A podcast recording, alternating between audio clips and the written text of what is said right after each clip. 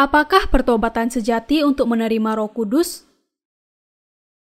Kisah para Rasul pasal 2 ayat 38. Jawab Petrus kepada mereka, Bertobatlah dan hendaklah kamu masing-masing memberi dirimu dibaptis dalam nama Yesus Kristus untuk pengampunan dosamu, maka kamu akan menerima karunia Roh Kudus. Apakah pertobatan sejati yang diperlukan untuk menerima Roh Kudus? Kembali kepada Injil air dan Roh yang indah itu, dan percaya kepada baptisan Yesus dan darahnya di kayu salib. Alkitab berkata di dalam kisah para rasul pasal 2 bahwa khotbah Petrus menggerakkan banyak orang dan membuat mereka bertobat dari dosa-dosa mereka.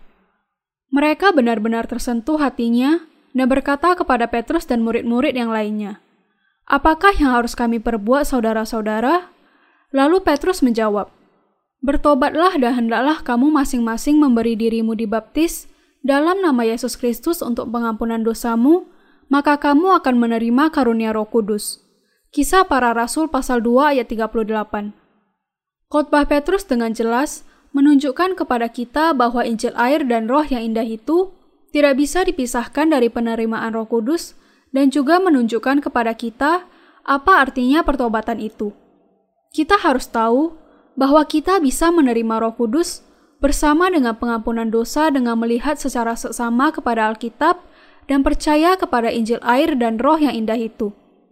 Hal yang pertama yang kita butuhkan untuk bisa menerima berdiamnya Roh Kudus adalah kepercayaan kepada pertobatan yang alkitabiah. Kita harus berhati-hati agar tidak mengartikan pertobatan ini sebagai penyesalan. Kita melihat di Alkitab bahwa orang-orang itu sudah menyesali perbuatan mereka menyalibkan Tuhan. Mereka sudah menyesal dan kemudian bertanya kepada Petrus apa yang harus mereka lakukan dan mengakui dosa mereka, bahkan sebelum Petrus menyuruh mereka untuk bertobat. Kita bisa melihat bahwa pertobatan yang dimaksud Petrus bukanlah penyesalan atau pengakuan dosa, tetapi menerima Yesus ke dalam hati sebagai juru selamat dan beriman kepada Injil yang indah itu yang diberikannya kepada kita. Itulah hakikat yang sesungguhnya dari pertobatan. Kasih Yesus mendatangi kita sebelum ada penyesalan diri atas dosa-dosa yang ada di dalam hati kita. Itu berarti bahwa Yesus menanggung dosa kita pada saat ia dibaptiskan di Sungai Yordan mati di kayu salib, dan kemudian bangkit dari kematian. Dengan cara itu, ia membasuh kita dari segala dosa dan kesalahan kita. Pertobatan yang sejati berarti percaya kepada kebenaran ini. Apakah Anda pikir dosa-dosa kita akan lenyap untuk selamanya hanya karena kita menyesalinya dan meminta ampun? Itu bukan pertobatan yang sejati. Pertobatan yang sejati berarti menerima pengampunan dosa dengan percaya kepada Injil yang indah tentang baptisan Yesus dan darahnya. Alkitab berkata bahwa kita perlu diampuni dosa kita melalui pertobatan. Oleh karena itu, kita harus percaya kepada Injil yang indah tentang baptisan Yesus dan darahnya untuk bisa menerima pengampunan dosa secara sempurna. Petrus melakukan baptisan di dalam nama Yesus Kristus kepada mereka yang percaya kepada Yesus. Yesus dibaptiskan untuk menanggung dosa semua manusia. Baptisan dan kematiannya di kayu salib adalah kegenapan dari Injil yang indah yang memungkinkan orang-orang percaya menerima berdiamnya Roh Kudus. Matius pasal 3 ayat 15 sampai 17. Manusia bisa disucikan dengan percaya kepada baptisan Yesus dan darahnya di kayu salib. Pendeknya, mereka yang sudah menerima pengampunan dosa dengan percaya kepada Injil air dan Roh sudah menerima Roh Kudus. Dapatkah doa membawa berdiamnya Roh Kudus? Manusia tidak bisa menerima pengampunan dosa dan berdiamnya Roh Kudus betapapun kerasnya mereka berdoa untuk menerimanya. Untuk bisa didiami Roh Kudus, sangat perlu untuk percaya kepada Injil yang indah itu yang digenapkan dengan baptisan Yesus dan darahnya di kayu salib. Roh Kudus Allah hanya diberikan kepada mereka yang dosa-dosanya telah sepenuhnya dibasuh. Iman kepada Injil berarti mengakui Yesus Kristus sebagai juru selamat yang sejati. Kisah para Rasul pasal 2 ayat 38 berkata, Bertobatlah dan hendaklah kamu masing-masing memberi dirimu dibaptis dalam nama Yesus Kristus untuk pengampunan dosamu, maka kamu akan menerima karunia roh kudus. Rasul Paulus berkata bahwa berdiamnya roh kudus diberikan kepada mereka yang diampuni dosanya melalui iman dengan pertobatan yang sejati. Pengampunan dosa dan menerima berdiamnya Roh Kudus adalah satu kesatuan. Alkitab berkata, "Bertobatlah dan hendaklah kamu masing-masing memberi dirimu dibaptis dalam nama Yesus Kristus untuk pengampunan dosamu, maka kamu akan menerima berdiamnya Roh Kudus." Sebab bagi kamulah janji itu, dan bagi anak-anakmu dan bagi orang yang masih jauh, yaitu sebanyak yang akan dipanggil oleh Tuhan Allah kita. Kisah para Rasul pasal 2 ayat 38 sampai 39. Seseorang bisa menerima Roh Kudus hanya dengan syarat bahwa hatinya telah disucikan dan tanpa dosa. Karena itu, kita harus percaya kepada Injil yang diberikan Yesus Kristus kepada kita. Kita harus dikuduskan setelah menerima pengampunan dosa dengan percaya kepada Injil yang ajaib yang berkata bahwa segala dosa dunia dihapuskan ketika Yesus Kristus dibaptiskan. Hanya dengan itu, kita bisa menerima Roh Kudus. Adalah kehendak Allah bahwa Roh Kudus berdiam di dalam manusia. Karena itulah kehendak Allah pengudusanmu. 1 Tesalonika pasal 4 ayat 3. Pengampunan yang sejati tidak diberikan karena usaha manusia, pengorbanan atau kebaikan yang lainnya, tetapi hanya dengan percaya kepada Injil yang indah yang digenapkan oleh Allah Tritunggal yang kudus melalui Yohanes Pembaptis. Allah Tritunggal yang Kudus memberikan berdiamnya Roh Kudus kepada mereka yang telah diampuni dengan percaya kepada Injil yang indah itu. Banyak orang hancur hatinya ketika mereka mendengar apa yang dikatakan Petrus pada hari Pentakosta. Mereka berseru, "Apakah yang harus kami perbuat?" Kisah para Rasul pasal 2 ayat 37. Ini menunjukkan bahwa mereka telah mengubah pikiran dan mereka sekarang percaya bahwa Yesus adalah juru selamat yang sesungguhnya. Mereka juga diselamatkan dari dosa-dosa mereka dengan percaya kepada pertobatan sejati yang diajarkan Petrus. Pengampunan dosa diberikan kepada semua manusia, tergantung kepada iman mereka kepada Injil yang indah tentang baptisan Yesus dan darahnya di kayu salib. Tujuan baptisan Yesus adalah untuk membuatnya menanggung dosa dunia. Percaya kepada kebenaran itu merupakan syarat yang sangat penting untuk bisa menerima Roh Kudus. Allah memberikan berdiamnya Roh Kudus kepada mereka yang percaya kepada Injil kebenaran yang didasarkan kepada baptisan Yesus.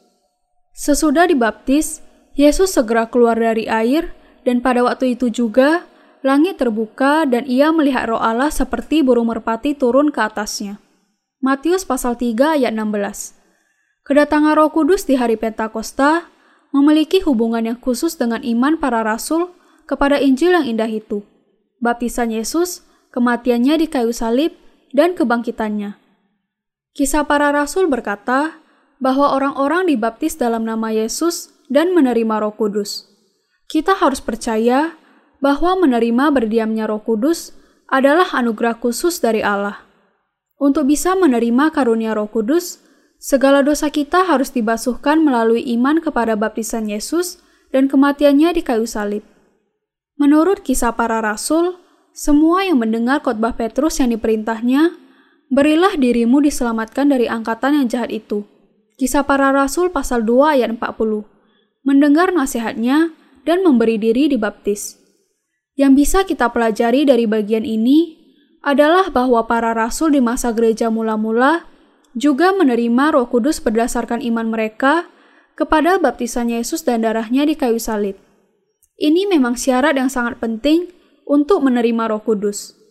Percaya kepada baptisan Yesus dan darahnya di kayu salib adalah sesuatu yang mutlak harus dimiliki kalau seseorang mau menerima pengampunan dosa.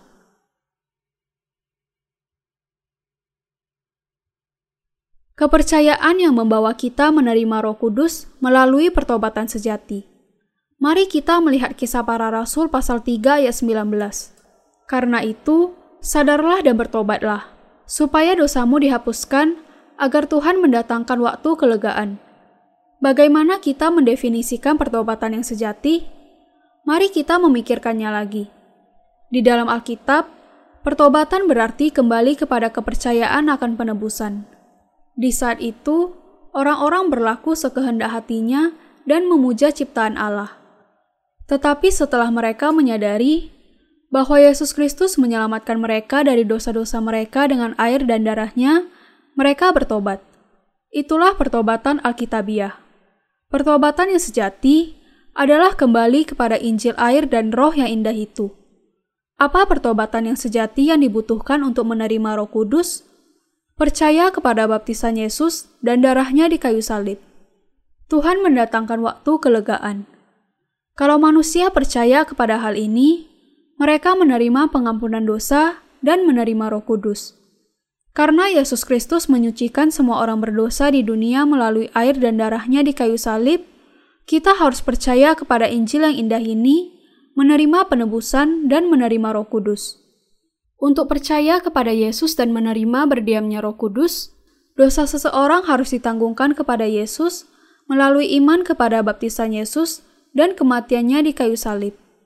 Kita harus percaya bahwa Yesus menanggung segala dosa kita dan mati di kayu salib untuk dihakimi bagi dosa-dosa kita. Inilah iman yang benar dan pertobatan yang sejati yang memampukan kita didiami Roh Kudus. Roh Kudus datang kepada mereka yang sudah menerima pengampunan dosa. Mengapa Allah memberikan Roh Kudus sebagai anugerah kepada mereka yang sudah menerima penebusan? Karena Roh Kudus yang kudus mau berdiam di dalam mereka dan memateraikan mereka sebagai anak-anak Allah. Roh Kudus adalah Allah. Bapa, Anak, dan Roh Kudus adalah Allah. Ada tiga pribadi, tetapi ketiganya adalah Allah yang sama bagi mereka yang percaya kepada Yesus. Bapa memiliki rencana untuk menyelamatkan kita dari dosa-dosa kita, dan karena itu, Yesus datang ke dunia ini, dibaptiskan oleh Yohanes untuk menanggung dosa dunia, mati di kayu salib, bangkit pada hari ketiga dan naik ke surga. Roh Kudus membuat kita percaya kepada Injil yang indah itu dengan menyaksikan mengenai baptisan Yesus dan darahnya di kayu salib. Allah memateraikan mereka yang telah diselamatkan dengan Roh Kudus. Allah memberikan Roh Kudus kepada mereka yang percaya kepada Injil yang berkata bahwa Yesus menanggung dosa dunia. Allah memberikan Roh Kudus kepada mereka sebagai segel yang memateraikan mereka sebagai anak-anaknya. Roh Kudus adalah bukti terakhir bagi keselamatan dari dosa bagi mereka yang percaya kepada Injil yang indah itu. Mereka yang memiliki Roh Kudus adalah anak-anak Allah. Mereka yang didiami Roh Kudus selalu merasakan disegarkan. Mereka memiliki kepercayaan kuat kepada firman Allah, kepada baptisan Yesus dan darahnya di kayu salib. Mereka sangat bersuka cita mereka bertobat dengan cara yang benar, tidak lagi memiliki dosa di dalam hati mereka, dan mereka didiami Roh Kudus. Alkitab berkata bahwa ada pertobatan yang membawa pengampunan dosa. Sudahkah Anda bertobat yang demikian? Kalau Anda bertobat dan mengambil kepercayaan yang benar, Anda juga bisa menerima Injil yang indah. Saya menasihatkan agar Anda bertobat dari dosa-dosa Anda dan menerima Roh Kudus. Siapkah Anda untuk bertobat dan percaya kepada Injil yang indah yang membawa kepada berdiamnya Roh Kudus?